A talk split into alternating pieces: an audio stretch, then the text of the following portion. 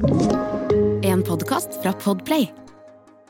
Nei, jeg, er blitt, øh, jeg lurer på om det var en sånn klokkesamler som Altså, vi får jo masse interessante henvendelser. Og, ja, vi har hatt, klokkesamlere. ja, vi har hatt flere klokkesamlere som har villet snakke om romklokker. Ja. Og jeg, jeg har sagt at det er egentlig veldig kult. Vi har bare ikke, altså, det er så langt utafor, så jeg liksom visste ikke hvor jeg skulle begynne engang. Skal vi ta dykkerklokker først, eller? Ja, men- ja. Nei, så det er, eh, så det er bare sånn at dere vet dere, det er- Nå er dere advart. På et eller annet tidspunkt kan det komme en eget Hvis vi finner riktig gjest Ja, den episoden er sponsa herfra Ja, til det må- ja. ja.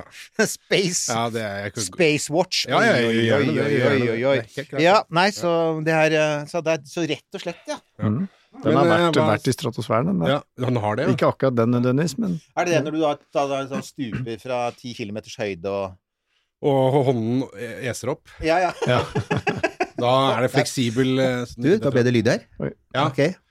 Ja, det er fint her, altså. Jeg, øret mitt er kjempefint. Ja. Er vi, eh, sier eh, romklokka at klokka er åtte? ti sekunder. Ja, ok. Ja. Men altså, så nær Ja, er det ikke. Det er Vi greit. Da kjører vi. Three, two, one. When liftoff. One, two, three, four, five, five, four, three, two, one. Enter bed. Okay, we checked all four systems, and there you go on modulation, all four, and keying with a go. Velkommen til eh, nok en episode av din absolutte favorittpodkast eh, om alt som har med verdensrommet. Eh, vi skal ikke snakke om klokker, verken astronautklokker eller dykkerklokker i dag. Hei, Eirik. Jeg digger hvordan du liksom plukker opp ting som vi snakket om før vi gikk på lufta. Så Jeg legger inn en liten snutt av det før vi kjører vignetten. Ja, Sånn veldig bra. Var det så- Sånn artig grep. så ikke folk bare sitter og sier 'hæ'? Ja. Nei, men dette er bra. Og uh, for den, uh, den ekstra vare ørevenn så hører man at det er noen som uh, smatter og klukker i bakgrunnen.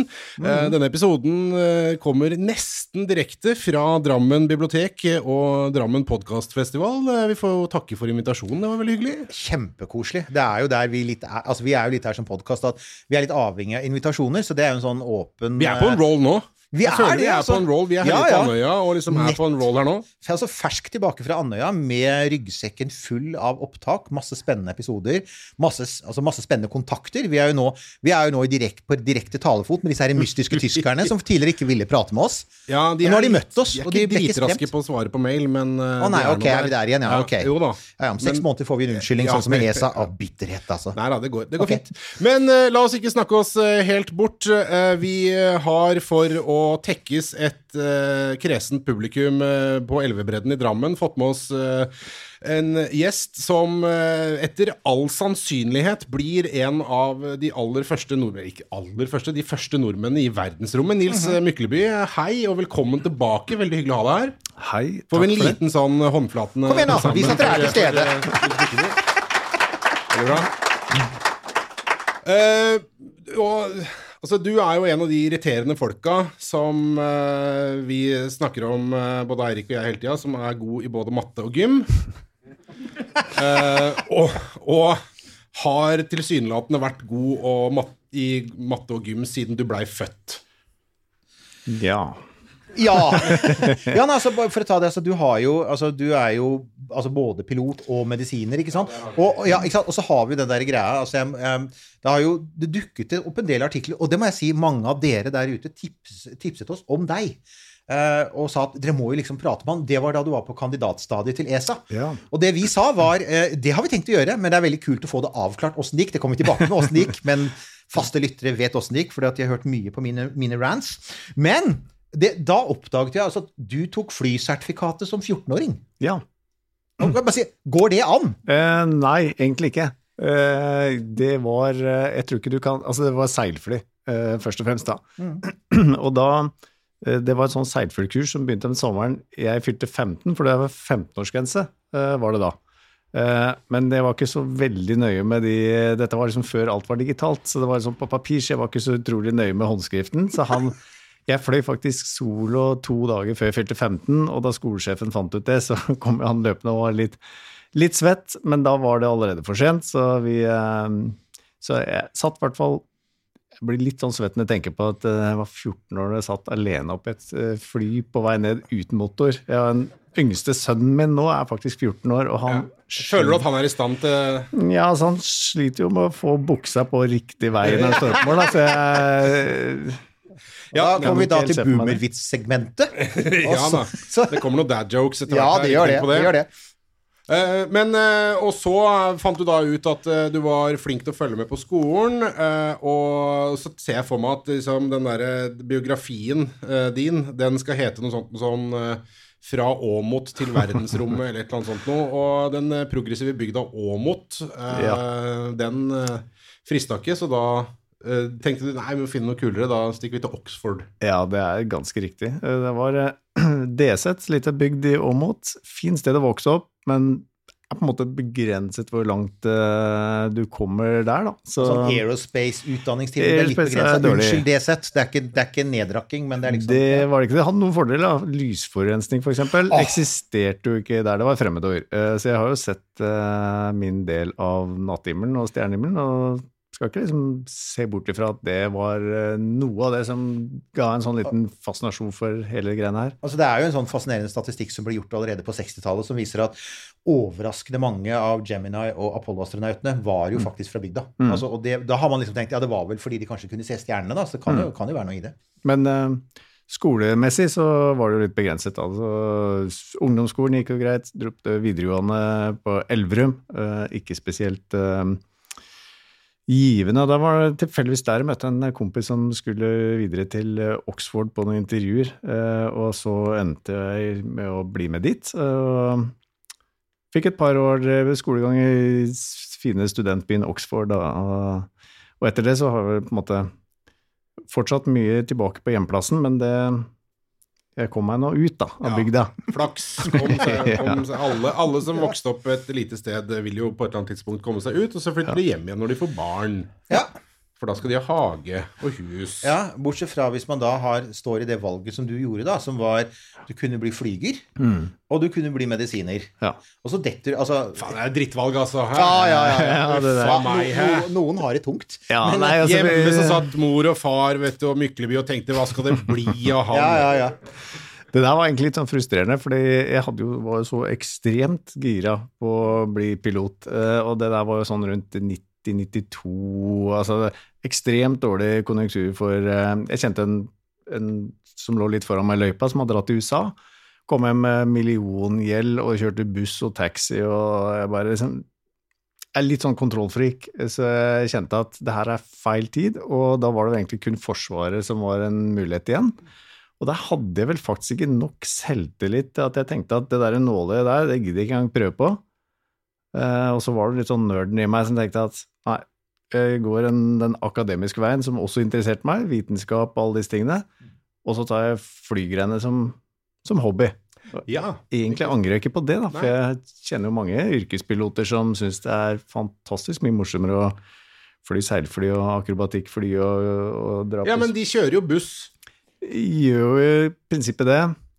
Jeg bare ser for meg kommentarfeltet vårt. Ja, jeg orker ikke å tenke på det. Ja, jeg til- det, jeg men er bare sikker ikke, jeg Det altså, får bare gå. Jeg Jeg er ikke helt sikker på om jeg støtter han i dette, men, men bare fortsett, du. Jeg kan forsvare det litt, for da Nima og Terje og jeg var på vei til eh, California nå i påsken for å besøke SpaceX, da Legg merke til hvordan det bare kommer en Ja, det bare kom nevnt en liten forsikt, forsiktig bisetning. Da, vi hadde jo et lite samarbeid med SAS, eh, så vi fikk jo da fly med det der nye Airbus A350, heter den vel, den der svære, fantastiske maskinen hvor de flyr med to crew. Og vi ble invitert foran i cockpit. Eh, Og der var det jo han der danske reservekapteinen var jo ekstremt romfartsinteressert, så vi slapp jo nærmest ikke ut igjen, og det var i og for seg helt greit. Men da var det jeg la merke til liksom, Det var alltid en av pilotene som sitter og jobber. Selv om dette er programmert, så er det ganske mye de sysler med. Litt sånn frampeik til ting vi snart uh, kommer inn på der. Det er bra. Bra Ja. jobba, altså. Det er kjempefint. Uh, og så, men altså det der forsvarsgreiene, for at det, det, er, er jo et eller annet Jeg begynner å merke en eller annen sånn uh, mønster i livet ditt, at du søker liksom de der hårete greiene.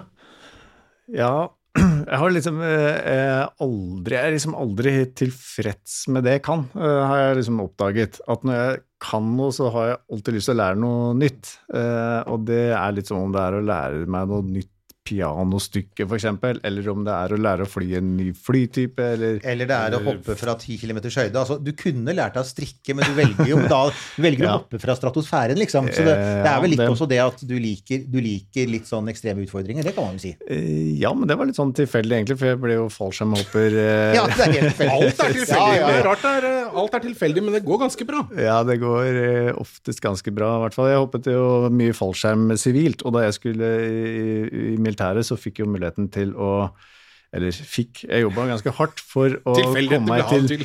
Rena leir til det som var Hærens jegerkommando der. Eh, Og da tenkte jeg liksom både få betalt for å hoppe og, og, og kunne få bygge på med flymedisinsk kompetanse, dykkemedisin, veldig operativ tjeneste. For disse fallskjermjegerne de måtte jo egentlig ha med lege på alt de holdt på med. Så det var jo helt fantastisk eh, for min del. Altså, da fikk vi jo prøvd øh, oksygenhopping blant annet fra 25 000 fot, var det da. Så det er jo Ja, det er høyt. Det er ikke sånn Ja, det er i hvert fall liksom. Det er i hvert fall oksygenkrevende. Og det, det, men, det er jo også en viss forberedelse på romfart, da. Ja, det kan du si, for da måtte jo i, eh, i kammer og teste ja. hvilke symptomer man får på hypoksi, for jeg var da hadde jo utgangspunktet medisinske ansvar om bord, så jeg måtte jo vite hva hver og en hvilke symptomer de hadde. Noen mister jo fargesynet, noen begynner å drømme om svigermor og får helt det, det, det er de rareste ting som kan, eh, som kan dukke opp. Altså, øh, alle de tinga her satt sammen, og så klarer du Så blir du Hva er det NASA Nei, unnskyld, ESA tenker når du ikke Alle de tinga her øh, som du kan, og så Nei, deg vil vi ikke ha som astronaut.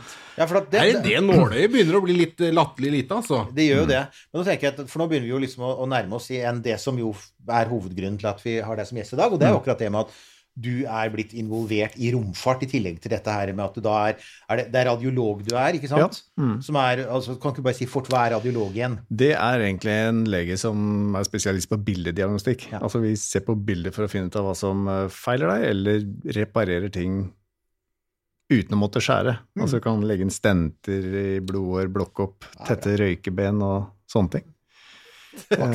Ja, det er lenge siden jeg har hørt ordet røykeben. Ja, ja, det, det- var sånne tanter med sånne wienertipp og sånne krøller i håret Det er som mest- har røykeben. Mest takknemlige pasientgruppen du kan ha. Jeg husker en fyr fra Trysil som hadde røkt uh, Paul Mall uten filter i uh, hele sitt liv, og kom inn og hadde så jævlig vondt i, I bena sine, røykebena sine.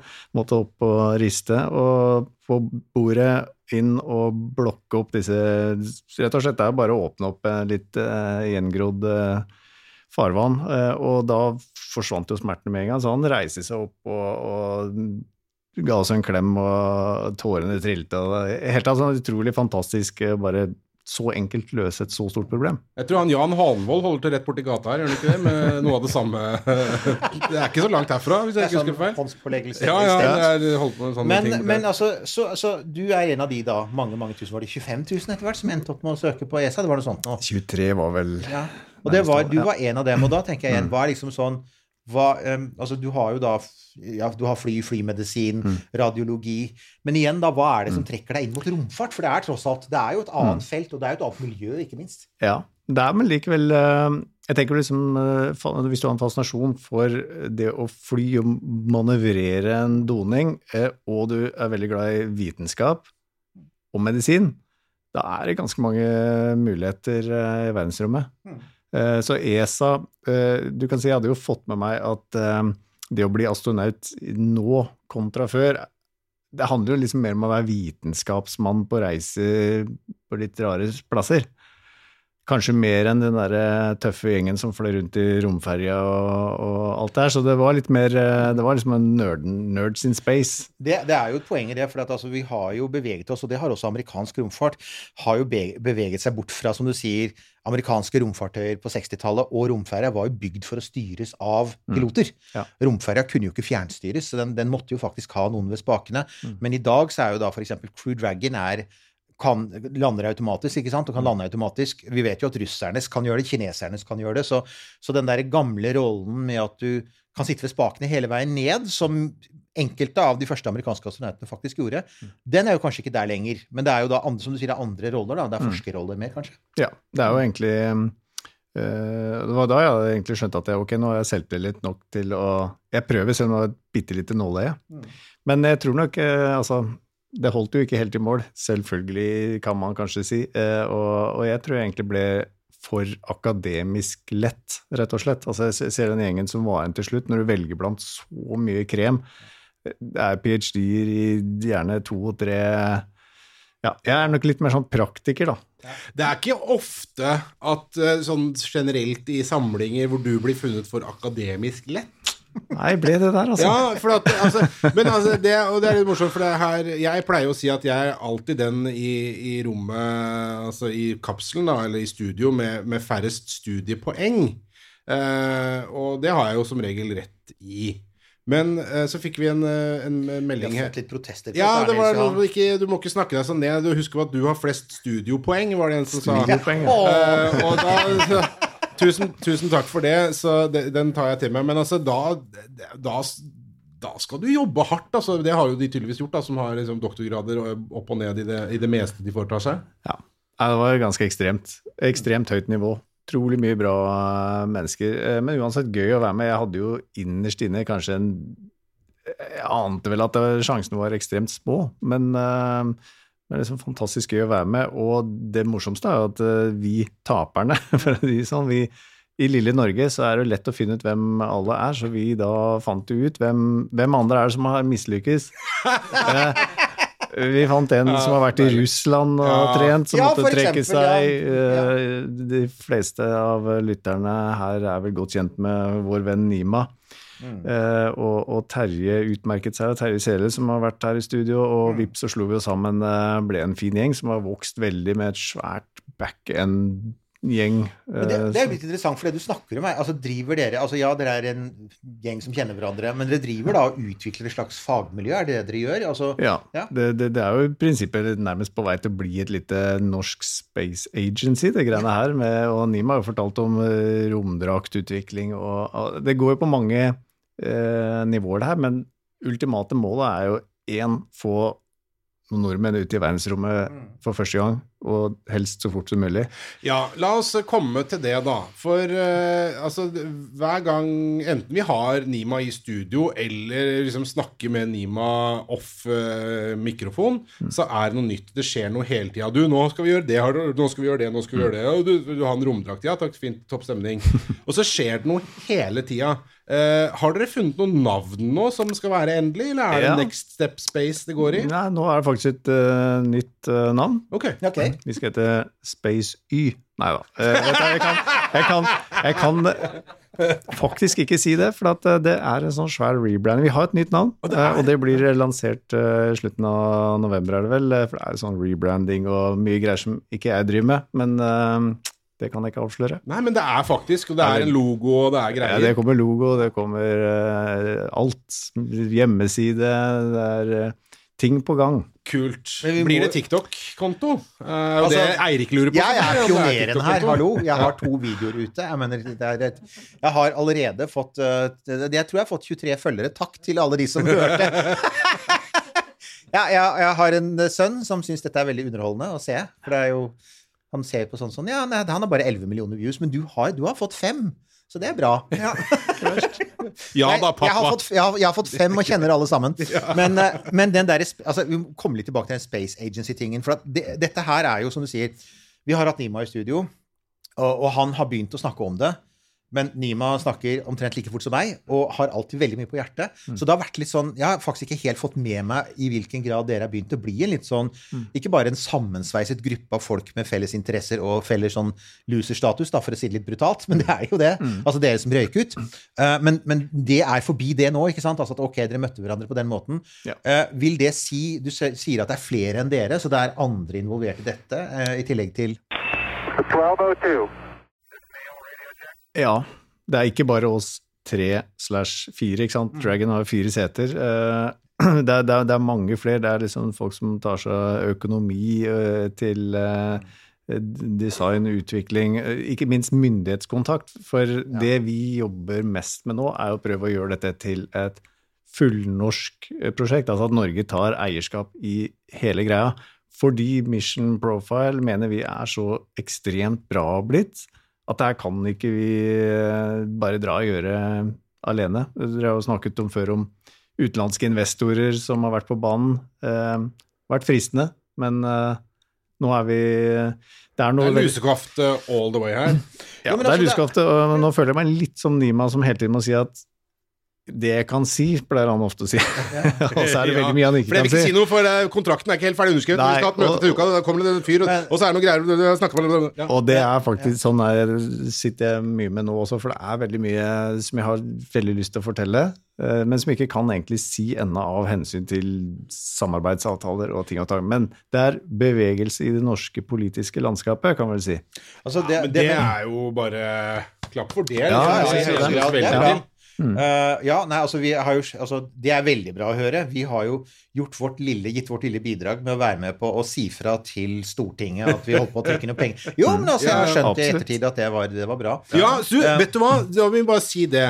Fordi, eh, nok en gang Altså, på eh, bussen ut til denne launch-siten på Andøya, så fikk jeg høre overhørte noen som satt og prata, og der eh, viste det seg at det var en egen romklubb i, på Stortinget. Ja, det er det også. Ja, det stemmer, det. Eh, Så jeg bare sier det at Da, Hallo? Da, ja, altså, det kan involvere eh, væske med en fluidum, men det er antagelig space, og da tenker jeg at altså, skal vi skupe dette, Nils Johan? Skal vi liksom påta oss rollen å avsløre sånn, sånn, det- sånn Var det romgruppa? Den, ja, den hemmelige romgruppa. Ja, for det, jeg syns det er rart at de ikke har tatt kontakt. Altså, Ja, men vi, det var jo, vi har jo en sånn evig frem og tilbake med én kontakt fra Arbeiderpartiets stortingsgruppe som gjerne vil komme i studio og svare på et eller annet som ble sagt.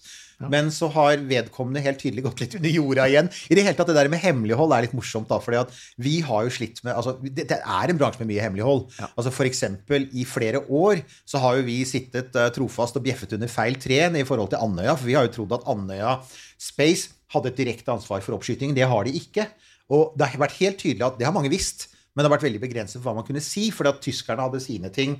Så det, det vi håper på nå, er jo å få til et lite gjennombrudd der, bare for å gjenta det. det er, men det, har vært en ganske sånn lang prosess. Også litt sånn rar prosess, for at vi har liksom tenkt ja, men er dette nødvendig å holde hemmelig? Men jeg har jo skjønt at det er ganske mye sånn på dette området. Og det er mye forretningshemmeligheter, og så er det som du sier, kontrakter. Ja, og folk som kanskje øh, lover penger, men som også må være sikre på at de har pengene i orden. ikke sant? Ja.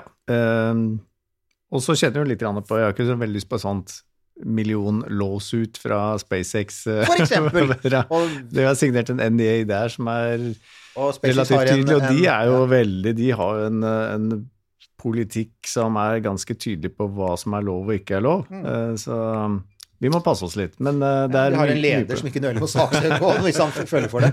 Men en, en annen ting er som jeg tenker Har dere hatt noen som helst slags følelse for at det vi merker, da, er at det er mye begeistring rundt space i Norge nå. Det er ikke noe tvil om at altså, Og det så vi jo også altså En av de store overraskelsene på Andøya, som vi sikkert kommer tilbake til, det er jo at Forsvaret nå er kommet mye tyngre inn i prosjektet. Det er undertegnet en ny kontrakt der. Og at det er helt tydelig at det var ganske høyt regjeringshold. Tidligere så har det vært litt sånn dette er et fint prosjekt, det er et lokalt prosjekt, det kan bli noe kult av det. Fint med arbeidsplasser i nord, erstatte flybasen, fine greier.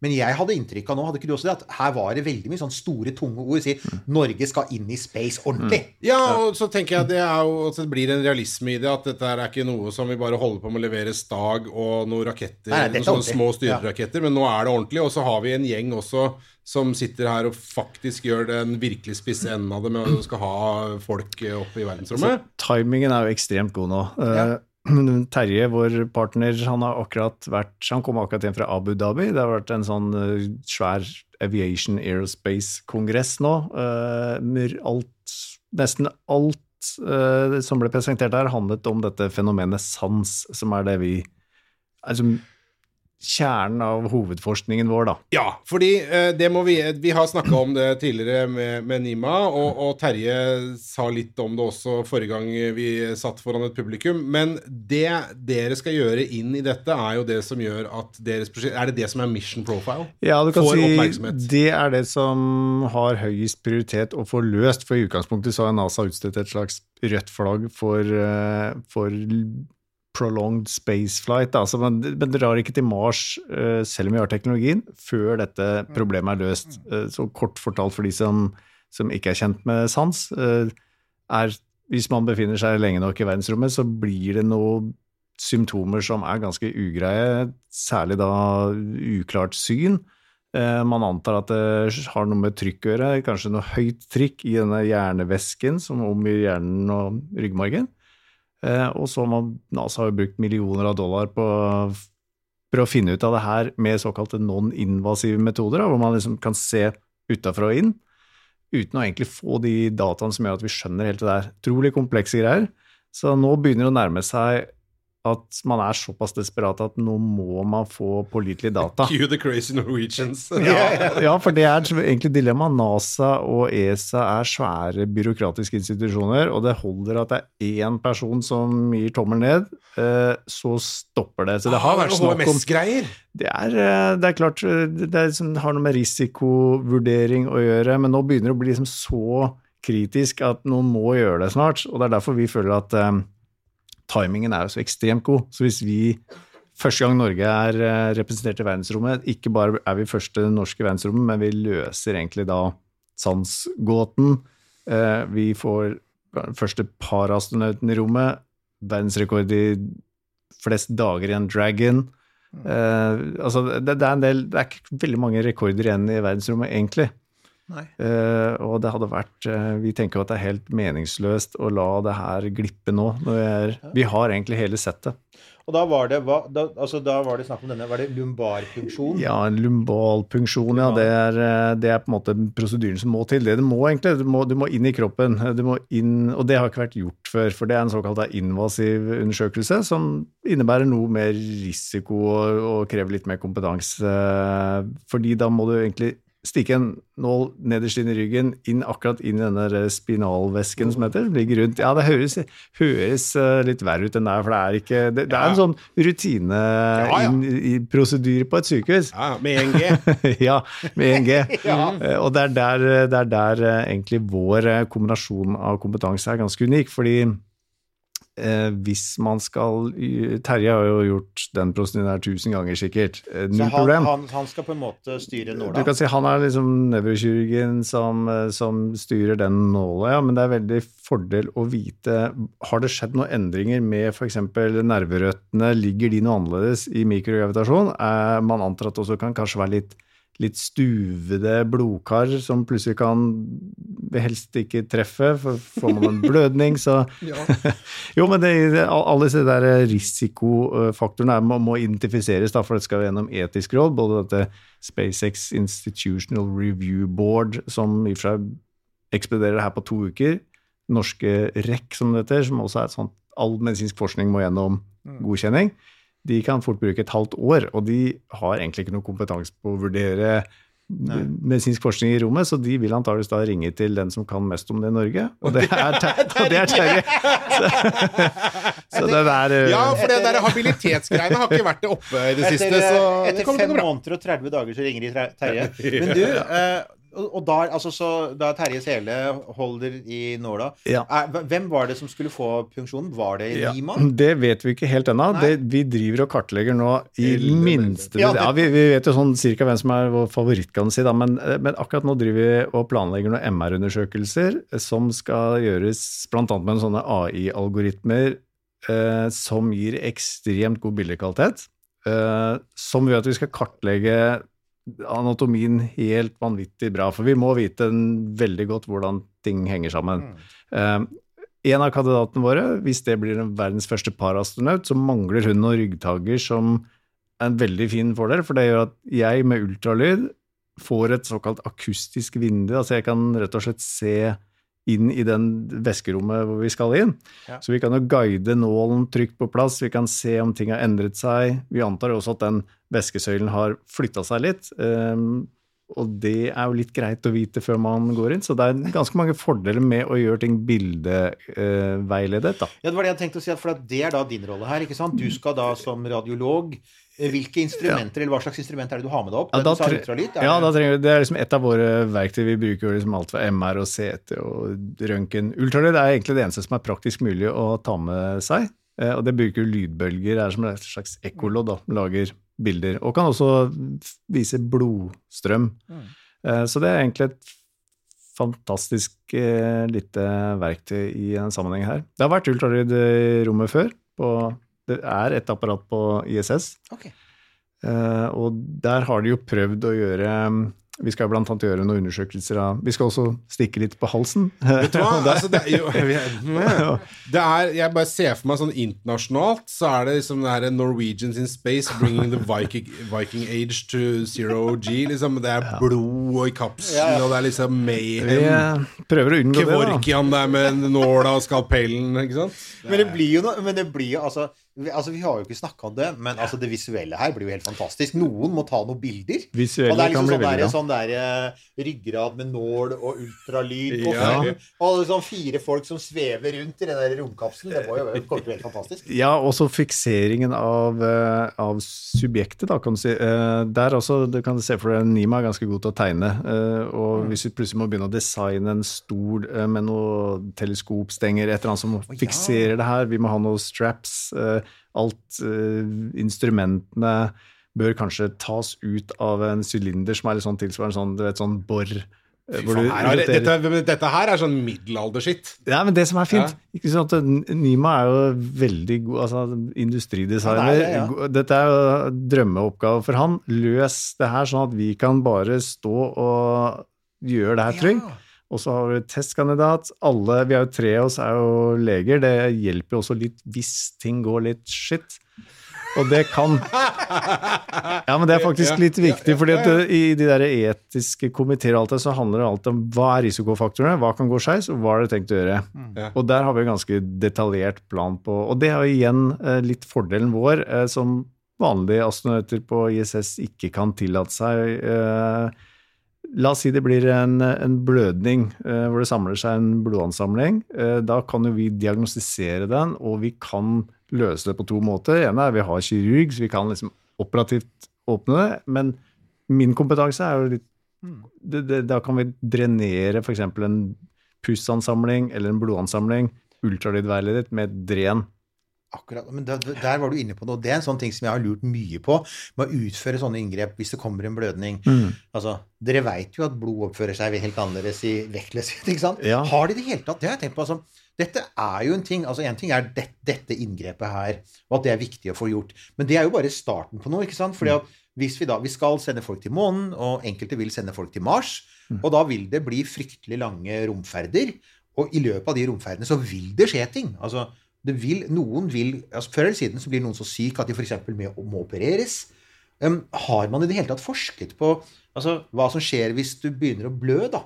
Altså, Hvordan blod oppfører seg, eller er dette også helt sånn nytt territorium? Nei, det, det, der vet jeg Terje kan en del om. Det, okay. det bør du definitivt spørre han om en gang. eh, For altså jeg vet jo ikke sant, at overflatespenningen kan gjøre at blodet fester seg mer på instrumentene. og og Visstnok er det ikke så ille at det liksom bare blodet løfter seg ut av operasjonsfeltet, men det eh, er sånn bobler med blod som driver seg Ja, sånn. Du ja. har sett vann i ja. vektløshet, og så plutselig så er det sånn romskilt fylt av blodbobler. Ja, ja, sånn ja, men det er det jeg mener. Ja, det, er, det er jo blodbath in space. Blod det er og liksom der. frittsvevende. Ja, ja, ja, det er strålende greier. Ja, altså det er sånn det der berømte Hva var det? Var det Apollo 12 eller Apollo 14? Var det sånn There's a third floating by. Det var jo altså. Det er jo en berømt enn det. Det fins jo i transkripsjonene. Så, Hey, sånn, there's a spine floating by. Ja.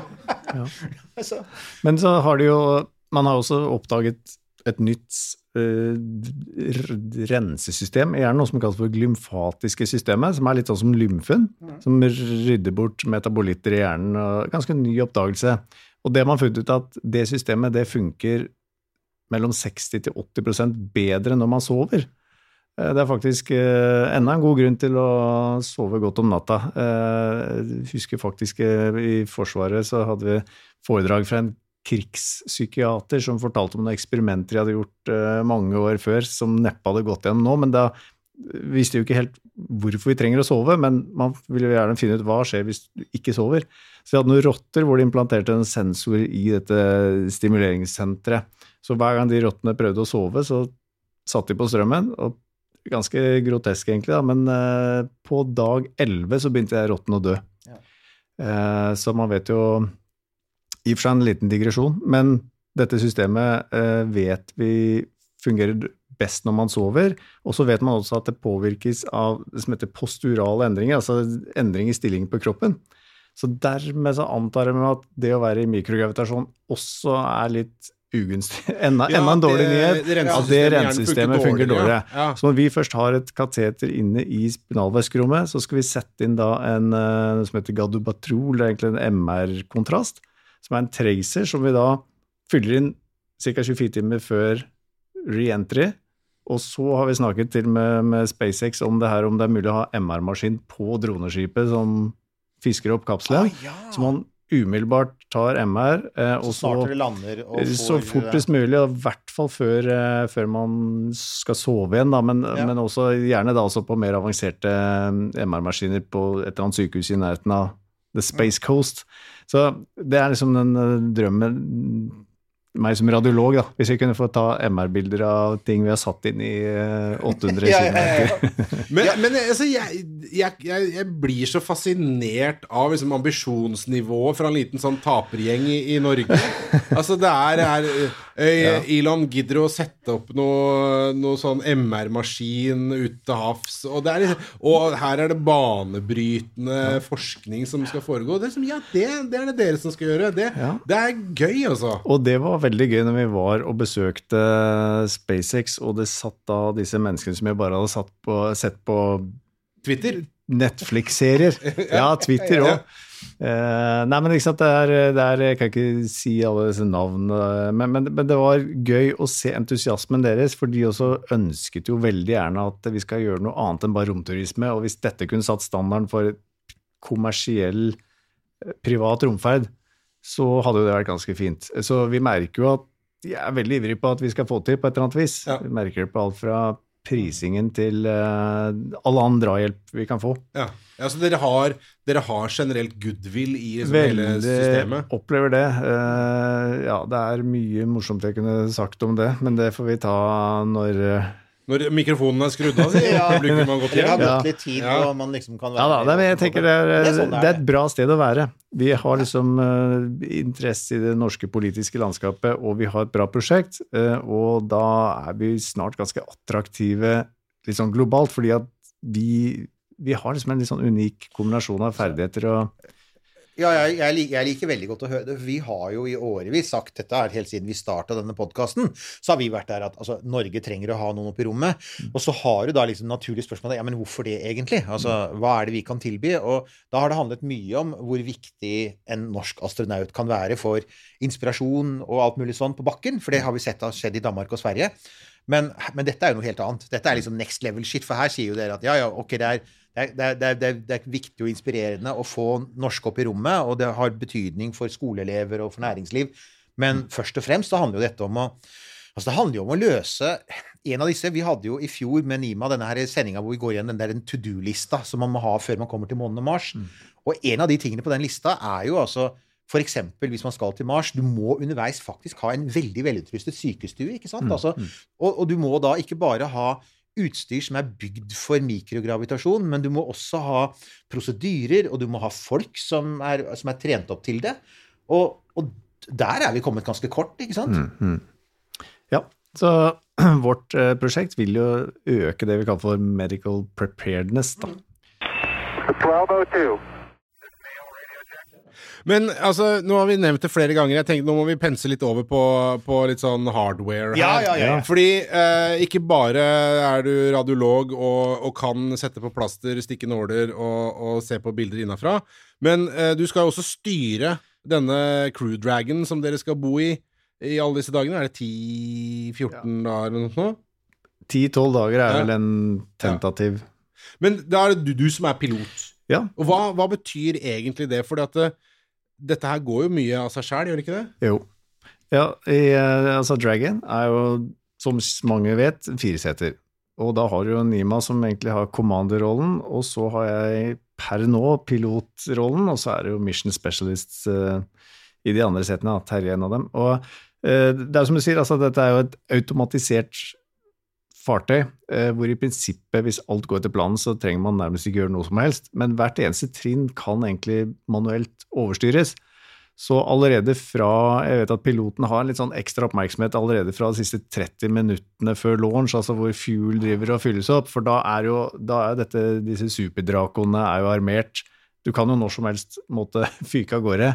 Eh, og da Ja, da nå er jeg på eh, abort eh, Abort, escape-systemet, abort ikke? Ja, eh, Og jeg tviler jo på at noen manuelt vil være raske nok til å fyke av gårde hvis det faktisk er en eksplosjon eller et eller annet. Så dette er sikkert Det, det funker nok, det der. Men i utgangspunktet jeg, tror, jeg tror man skal sitte i 30 minutter og være veldig beredt. Da. Jeg vet i hvert fall piloten har litt ekstra fokus på det da.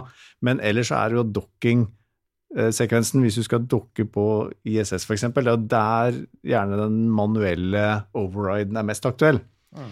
Og disse um, NASA-pilotene som var oppe, altså Bob uh, Bob and Doug. Doug, ja, det er utrolig amerikanske navn. Ja. Benken og Hurley, eh, de, de var jo ganske involvert i utviklingen av hvordan skal dette fartøyet styres. Eh, For dette er jo gamle piloter som er vant til brytere og switches og eh, romferja, eksempel. Veldig forskjellig fra hva de endte opp med i Dragon, som er tre LCD-skjermer. Eh, Vi var så, ja, så heldige, for jeg har jo ligget i dette pilotsetet og sett på denne skjermen, og jeg, mens Nima var opptatt av å prøve å måle opp hvor stor den der kapselen var, så var jeg ganske opptatt av den, disse skjermene. Og den Det var jo masse diskusjon om Det var mye skepsis da, knyttet til de der skjermene. Én største bekymring var nok at angsten for at du mangler den litt sånn taktile tilbakemeldingen på en input. Altså Når du gir en kommando på mobilen din, så er det liksom det eneste, eneste beviset på at eh, telefonen skjønte hva du mente, er at det skjer et eller annet visuelt. Ja. Hvis du ikke har på lyd, da, det har du vel ikke lenger. eh, Nei, jeg er ikke 80. Taster, Ja. ja. Eh, Men eh, så det, jo, det, det var liksom en av bekymringene. Det løste i og for seg med at, de, at det er en slags, slags blooming-effekt. Så når du tar på noe, liksom switcher noe, så skjer det noe veldig visuelt tydelig. da. Ja. Eh, og så var det litt det der om man rett og slett når du svever rundt kan plutselig sparke borti noe greier. Ja. Og så litt hva med disse LCD-skjermene, takler de trykkfall, eksempel? Mm, det er jo Så- et poeng, da. Ja. Ja, de, men, men selv disse pilotene som tross alt er en old school, da, de var veldig enige om at dette er fremtiden. Det er touchpanel som gjelder, eh, særlig fordi oppgaven var å dokke.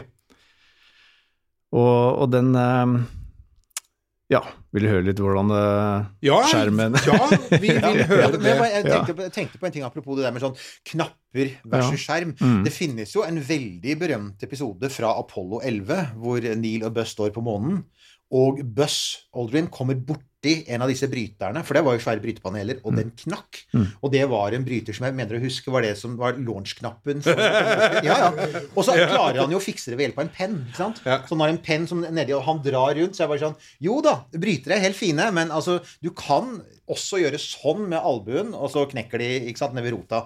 Ja. Så det er liksom pro og kontra med alle sånne systemer. Ja, fremtiden er Og det samme har vi i, i små fly. eh, Overgangen Selv en vanlig Cessna, med gamle analoge klokkeinstrumenter eh, For noen år siden så kom jo eh, disse EFIS, som heter, altså Electronic Flight Information System. Da er liksom de, de er byttet ut med LCD-skjermer. Fantastisk å fly. Du har liksom all informasjon kommer digitalt på skjermene. Eh, Men det var masse skepsis der òg. Hva skjer hvis, hvis disse ikke funker? Mm. De gamle pilotene hatet det, de unge elsket det, og jeg som var sånn midt på treet, jeg ser fordelen med begge, egentlig.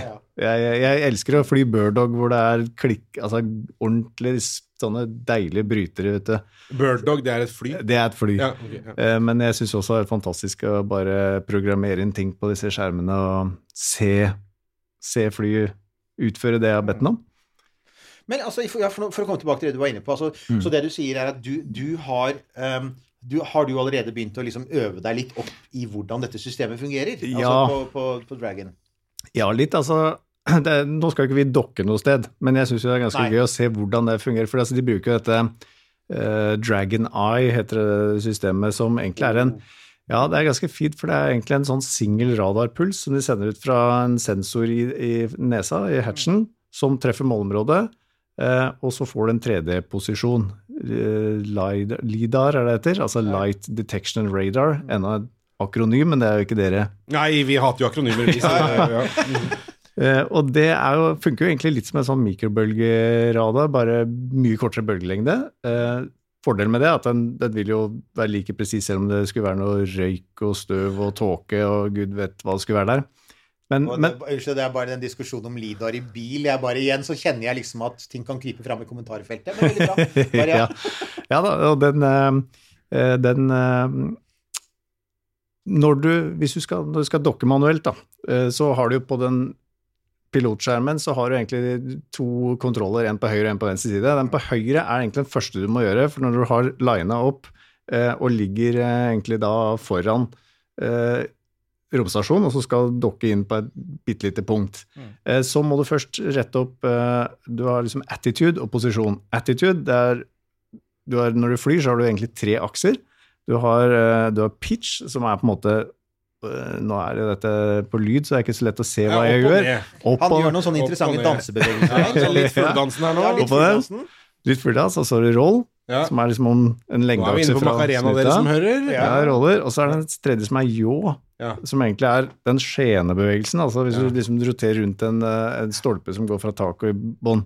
Eh, hvis- Alle disse bevegelsene finner vi i fugledansen. Ja, nemlig. Og den eh, Hvis du f.eks. Hvis jeg har med meg en, en helt ny en som ikke kan å fly, eh, hvis vi har doble sett, og så spør jeg prøv å svinge til venstre. Da tar du stikka, og så tar vedkommende som svinger til venstre, og da roller flyet, og så begynner det å svinge, og så tenker du oi, det er jo faktisk ganske lett. Men da går den høyre vingen litt fortere, den har da litt mer løft, men da også litt mer drag, så den vil jo egentlig bremse opp så at nesa vil motsatt vei av dit du svinger. Eh, og det er en sånn ukoordinert sving, så da må du bruke litt sideord for å få rett opp igjen det, for å fly en koordinert sving. Eh, det er den ljå-bevegelsen som er ganske viktig, da. Så når du da Først, når du skal liksom nærme deg ISS, så må du jo først finne ut hvilken attitude har du. Er du på en måte litt skrått den veien, eh, litt ljå til venstre og en pitch opp, så må det der rettes opp først. Eh, Og det er tre akser som, som du da tar hver og en med disse små, små booster som retter opp alt det. må, du får egentlig en, en eh, informasjon om når det er riktig. Og du har også en sånn trendbar som, dette, som viser litt sånn hvor kraftig input du har gitt. Så når du egentlig har fått rettet opp i de tre aksene, så du er linet opp eh, riktig i forhold til romstasjonen, da er det det venstre panelet, for da må du nærme deg en slags radarstråle, eh, som du da enten er under, over, til siden for, så eh, med en slags parallellforskyvning, da. Og, og der også er det veldig viktig å være ganske nøyaktig, og du får jo på en måte, da beveger du deg i XYZ-aksen, Det er det du manøvrerer på Jeg har fått vondt i huet for lenge Ja, ja, ja, nei, altså, Ja, men Det høres eh, mer komplisert enn det er, men det er liksom først rett opp, Ja, er rett opp og så finne, finne den strålen, Ja. og så begynner du også å nærme deg. Ja. Og da slipper du egentlig opp gassen litt, da. Uh, for da går du saktere og saktere. Det regnes jo minusfart, for da du nærmer deg bakfra. Så når du er sånn cirka ja, under fem meter unna, da må du ha ganske lav hastighet så du ikke bruser inn i det her, og da er det vel under 0,2 meter per sekund her beveger den da. Det, nå har vi det effektivt debunka ideene om at dette her er helautomatisk, eh, Nils Johan. Piloter Ja, trengs. ja, men jeg tror de har testet det der. De har testet den manuelle funksjonen, sett at det virket, og det var nok målet, men jeg tror vel kanskje ikke mange av disse dockingene har foregått uh, med mye styring, selv om det er sikkert veldig Men, morsomt. altså, da. men du, når du, var noe på noe sånn trøstere du kom her, da var du her nede. Er det noen spaker? Nei, det, noen spaker? nei, så det gjorde jeg nok. Ja, ja, det eh, sånn det var en sånn gammel uvane. Ja. Det Men er ikke mer sånn swiping? Sånn der, Det er, det er rett og slett eh, Du trykker på roll, for eksempel. Roll til venstre er et lite touch, og så får du en indikasjon på hvor mye du har satt i gang en rollbevegelse. Og så må du, når du nærmer deg målet, egentlig, så må du stoppe den da, med et lite mot. Og da burde du da helt klart ikke ha spist Doritos eller noe sånt på forhånd. Ikke sant? Med sånn, sånn, sånn fettete fingre. Altså. Det tror jeg ikke du gjør. Det, det, det her må du gjøres Du må jo ha hansker på, ikke sant, så disse skjermene eh, Og du må det? Ja. Ja, men altså, eh, der, se der, det var et teit spørsmål, men det hadde jo et fornuftig svar. ja, det fornuftig svar. Du kan jo spise Doritos og cheese doodles med hansker på. Det går an, det. det Ja, nei, altså I sånn mer eleverte kretser, møblerte hjem, gjør man det. Eller med spisepinne, for øvrig. Det er sånn der hot tip. Klype som følger med. Men, men altså, så du har, du har men, men altså, helt alvorlig, du har egne hansker for dette? det? Ja, altså det, det er hanskene i, uh, i selve romdrakta, disse oh, ja, hvite. Sånn. Ja, fordi at ja. det kan jo hende at Ja, det her er skjer under et eller annet trykk, trykkfall etter, altså, så det er liksom nødt til å funke. Så det var liksom et av de viktigste tingene, at disse skjermene må funke med skjermer. Mm, mm. vi gjør det. Ja, men, Og da er det jo ikke noe fare for at, eh, for at man må bare holde sokkene på da, under hele ferden, sånn at man ikke dunker borti disse skjermene med noe tær eller et eller annet noe. Ja. Jeg må vel anta at det også finnes en sånn derre nå, nå, nå låser vi skjermen. Altså Ja. at ikke den Ja. For det er eh, vel også noe med at hvis du, hvis du er sånn ting er touchfølsomme, og så har du igjen kanskje spist en pose med den, og så driver den borti, og så setter den i gang Ja. re-entry Ja, ja, og på de flightene her så kan det hende at det er kroppsdeler som kommer svevende og dunker borti skjermen. veldig mye er. Doritos-poser jeg kjenner jeg er litt sulten. Men, eh, men, eh, altså, så, men du er også Så når man da skyter opp, altså, så da har du eh, Du sa du var pilot, var det sånn? For Nima er da Ja, Eller åssen var det igjen? Altså, Nima har de- de- de- disse to setene som er nærmest eh, de tre LCD-skjermene. Det er Commander, som er Nima, og så er det pilotfunksjonen. Da. Så vi er de eneste som ser disse skjermene. De to andre må nyte utsikten. Ja, det er no in-flight entertainment. No in-flight entertainment. Ja, ja. Men det er sånn, ja. Og, men disse touch-skjermene har jo in the unlikely event of an emergency, som de sier uh, så fint på fly. ja. De har jo et backup-system med manuelle ja, ok, så man kan åpne opp et eller annet sted og finne Ja. et tastatur som Ja, de er faktisk og- ja. rett under der, eh, så, så det, det, det går an. Eh, Og det bør det nok være, for disse LCD-skjermene kan jo svikte. Det jeg faktisk opplevd i, i eh, vanlig småfly uh, av de liksom nyere typen. Først én, og Det er så så betryggende å høre deg si det. Ja, men det var, det var litt sånn typisk uventet, for det hadde jeg bare hørt om at det er sånn Det der skulle aldri skje. Også, Nei, nei. Alle de tinga som aldri skal Nei, det skal jo aldri skje. Jeg fløy dagslys, så i og for seg ikke noe katastrofe, og det er analoge klokkeinstrumenter ekstra med hastighet og høyde og sånn, så jeg visste jo Men du blir litt sånn paff når liksom ene skjermen blir svart. Og da er det en knapp som du kan hente den viktigste informasjonen fra den andre skjermen, og, øh, nei, altså, som du mistet, og på den gjenværende skjermen. Og så blacka den ut òg. Ja, men det er topp stemning. Ja, så da, da var det gode gamle Men det er en fordel da å vokse opp eh, med Når du tar flylappen når du er 14 år, så har du Ja, liksom fått Da har du sett de der gode gamle klokkeviserne. Ja. Så jeg visste hvor jeg var, visste hvor høyt det var, så det var null dramatikk, det. Altså, det er jo litt som det var vel eh, på Gagarins aller første ferd, den var jo helautomatisk. Men det fantes jo et skap med nøkkel til som man kunne åpne for å finne manuelle kontroller. Så er liksom blåser støv av nøkkelen, og så åpner så bare liksom drar ut for å så det er, det er, Men det er godt å høre at man har det, da. Fordi, Ja. For det, altså, det er jo en ting, det er jo lett å glemme, men rommet er jo Vi har jo så vidt vært inne på det. Rommet er et ekstremt miljø. Rommet er et ekstremt strålingsmiljø. Det er elektronikk. Elektronikk er sårbar for stråling. Nå er jo dette herdet elektronikk, vil jeg anta, men allikevel så er det jo alltid en viss sånn det er alltid en viss risiko knyttet til det. Det er jo ikke første gang at ting har konka litt ut i rommet. Og stråling er jo ikke akkurat et lite problem sånn Ja, sånn Generelt? generelt. Ja. eh, Hvor høyt var det dere skulle igjen? Dere er jo fremdeles godt under strålingsbeltene, men hvor høyt var det dere skulle? 800 km, da, så det er liksom det er- dobbelt av ISS omtrent. Ja. Men, og målet er jo Vi har jo forhandlet med disse flight-folkene om en 61 graders inklinasjonsvinkel, da, som i og for seg innebærer jevnlige passeringer over Ja. moderlandet. Ja, for det hadde jo vært litt ekstra gøy. ja, Da ikke sant? skal vi stå opp eh, og stirre med våre kikkerter. det skal vi alle sammen kollektivt gjøre. Ja, men det er jo interessant. Det er Ja, det... sier det- disse høye, disse høye banevinklene som, Mm. som, eh, som gjør det synlig fra Norge Det vil ikke ha noen annen funksjon enn at det er kult for nordmenn å stå opp og se på fire Mm. stykker som suser forbi 27 000 km i timen. I utgangspunktet har vel ikke det. Har Jeg liker, at, jeg liker at man kan legge inn sånne ting. Altså, det er veldig sånn, at det er litt sånn rolig og ærlig. Ja, ja, ja, Nei, ikke egentlig! Vi har jo Vi hadde jo en samarbeidspartner som gjerne ønsket seg en polar orbit. Da begynner det å bli komplisert. Også med tanke på reentry, hvor du kan lande egentlig hvor som helst, og, og det blir ganske energikrevende å pushe deg opp i den. Ja, for det er et viktig poeng. Altså, hvis dere skal skytes opp, så blir det da Eller når det skjer, så blir jo det antagelig fra Cape Canaveral, ikke sant? Ja. Og de er på 28 grader, er det ikke det? Cirka nord? Jeg tror det er, jeg tror det er cirka der. Så for å komme opp til 61 grader, så må du da bytte vinkel. Og bytte banevinkel er en sånn ting som er notorisk kostbart for brennstoff. Er det Ja. det? Jo. Men det hadde Eh, vært så- kult. Ja, altså vi har eh, sett på muligheten for 61 grader, og det er visst uh, innafor. Kan godt hende det er Og det er jo, altså, om, det er jo en ting som, som eh, Crew Dragon hele tiden gjør når den skal til ISS, for ISS er jo bygd på den er vel, ikke, Jeg mener at det er Baikonur-banen, Ja, ikke sant? ja. 51 grader. For, og det er jo for å gjøre det litt lettere for russerne å få opp sine etter hvert litt alderstegne Soyuz-raketter. Ja. For at de har jo etter hvert skjønt at de har ikke veldig mye å gå på der.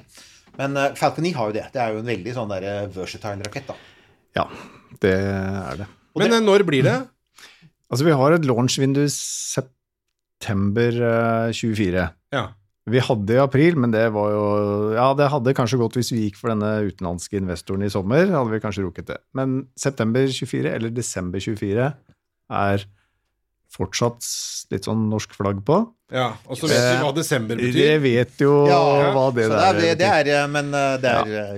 Altså, det er liksom om å gjøre bare jeg, jeg, jeg tenker at det er egentlig bare et tidsspørsmål før det lykkes på et eller annet vis. Eh, Om Ja. jeg er så heldig å holde ut og fortsatt være med i crewet, det, det, det er ikke det viktigste. Men det, noen kommer til å Vi er ganske nære. Altså, Jeg blir jo aldri lei av å høre, høre det. Jeg, det er så gøy. Men altså, ja. vi kjenner jo litt på den følelsen vi, Nils Johan, for nå har vi jo holdt på i over fire år.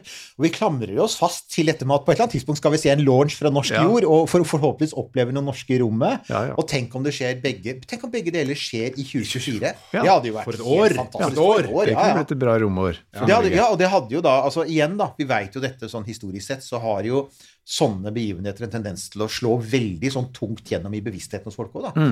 Det var jo en av de tingene som var interessant med å være på Andøya for øvrig, var at folk der oppe som vi snakket med, de var liksom ikke helt De var ikke klar over på en måte hvor svært det var, tror jeg. Altså, de, det var et anlegg, og det var, og det, det var arbeidsplasser, og det var mye på å se så vi sa jo det, det, er historisk. Det er ikke tull. Dette her kommer til å bli kjempedigert. Og dere kommer til å havne på en del sånne radarer og på en del sånne kart da, for folk der ute. som har Plutselig så er det et, et av veldig få steder på kloden som har en fungerende launchpad. Og det kommer til å bety mye. Og dette her også blir jo Ja, eh, jeg skulle ønske oldefaren min hadde fått sett eh, planene mine, for han eh, Vi fant faktisk et brev som han skrev. Han ble nemlig nesten 100 år. Eh, Da han var 96 år, så begynte han å se litt dårlig, og litt dårlig til beins. Så han ville ut, og da skrev han Han hadde hørt at det bodde en oppfinner på Lillehammer, så han, i det brevet så står det til herr oppfinner, kan De vennligst finne opp en doning som er sertifikatfri og like enkel å betjene som en hest i gangfart? altså han snakket jo om den doningen som nå fins det Altså per elektriske er det det det Ja, det er det der, ja. ja, ja. Så han var bare litt Han var glad i duppedingster og ting som uh, Jeg lurer på hva han hadde tenkt om en uh, Dragon. eh. Å, herregud. Jeg liker at vi har liksom gått hele runden og så havna på sånn permobil. Og, og så skal vi på en måte runde av på det, for eh, vår tilmålte tid uh, Ja. har, uh, har gått, og Altså, vel så det. Ja, nei, vi har faktisk tilmålt tid, og det gjør at den der vanlige romkapselgreia med egentlig bare å pludre til uh, lyset går, liksom, den, det gjelder ikke denne gangen. Så Vi skal la være å gjøre det. Nils, eh, tusen hjertelig takk eh, for Ja. eh, besøket. Vi gleder oss selvfølgelig til å høre mer. Jeg veit det er mer på lager. Og hvis jeg ringer Nima nå, så gjetter jeg på at han har åtte nye ting å, å fortelle som har skjedd mens vi har sittet her, antageligvis. Og det kommer vi til å snakke om, selvfølgelig. Det- så det så det, dere må jo komme tilbake. Det, vi må jo få mer oppdateringer på det. Definitivt. Og så er det jo dette vanlige, da, som vi pleier å si. Ja, skal vi si noe om at altså, det blir mer igjen, bare for å gjenta det, det blir mer Andøya? Ja, eh, vi tar en liten sånn eh, stopp fra Andøya akkurat nå, men neste uke blir det mer Andøya. Det, vi har masse Andøya-stoff som kommer, og så kommer Nils og Terje og Nima og hele dette prosjektet som vi ikke vet hva heter ennå, men som vi snart skal få vite, og bli overøst med nøkkelringer og kopper Altså, og alle mulige sånne altså, ting. jeg, jeg kan tilby en deal her og nå. og det er at Hvis du er liksom litt sånn tidlig ute med å fortelle oss om det nye navnet og den nye logoen, så skal jeg fronte det på TikToken min. Wow. Til mine 23 følgere. Tusen takk. Takk for oss. Du har hørt en podkast fra Podplay. En enklere måte å høre podkast på. Last ned appen Podplay, eller se podplay.no.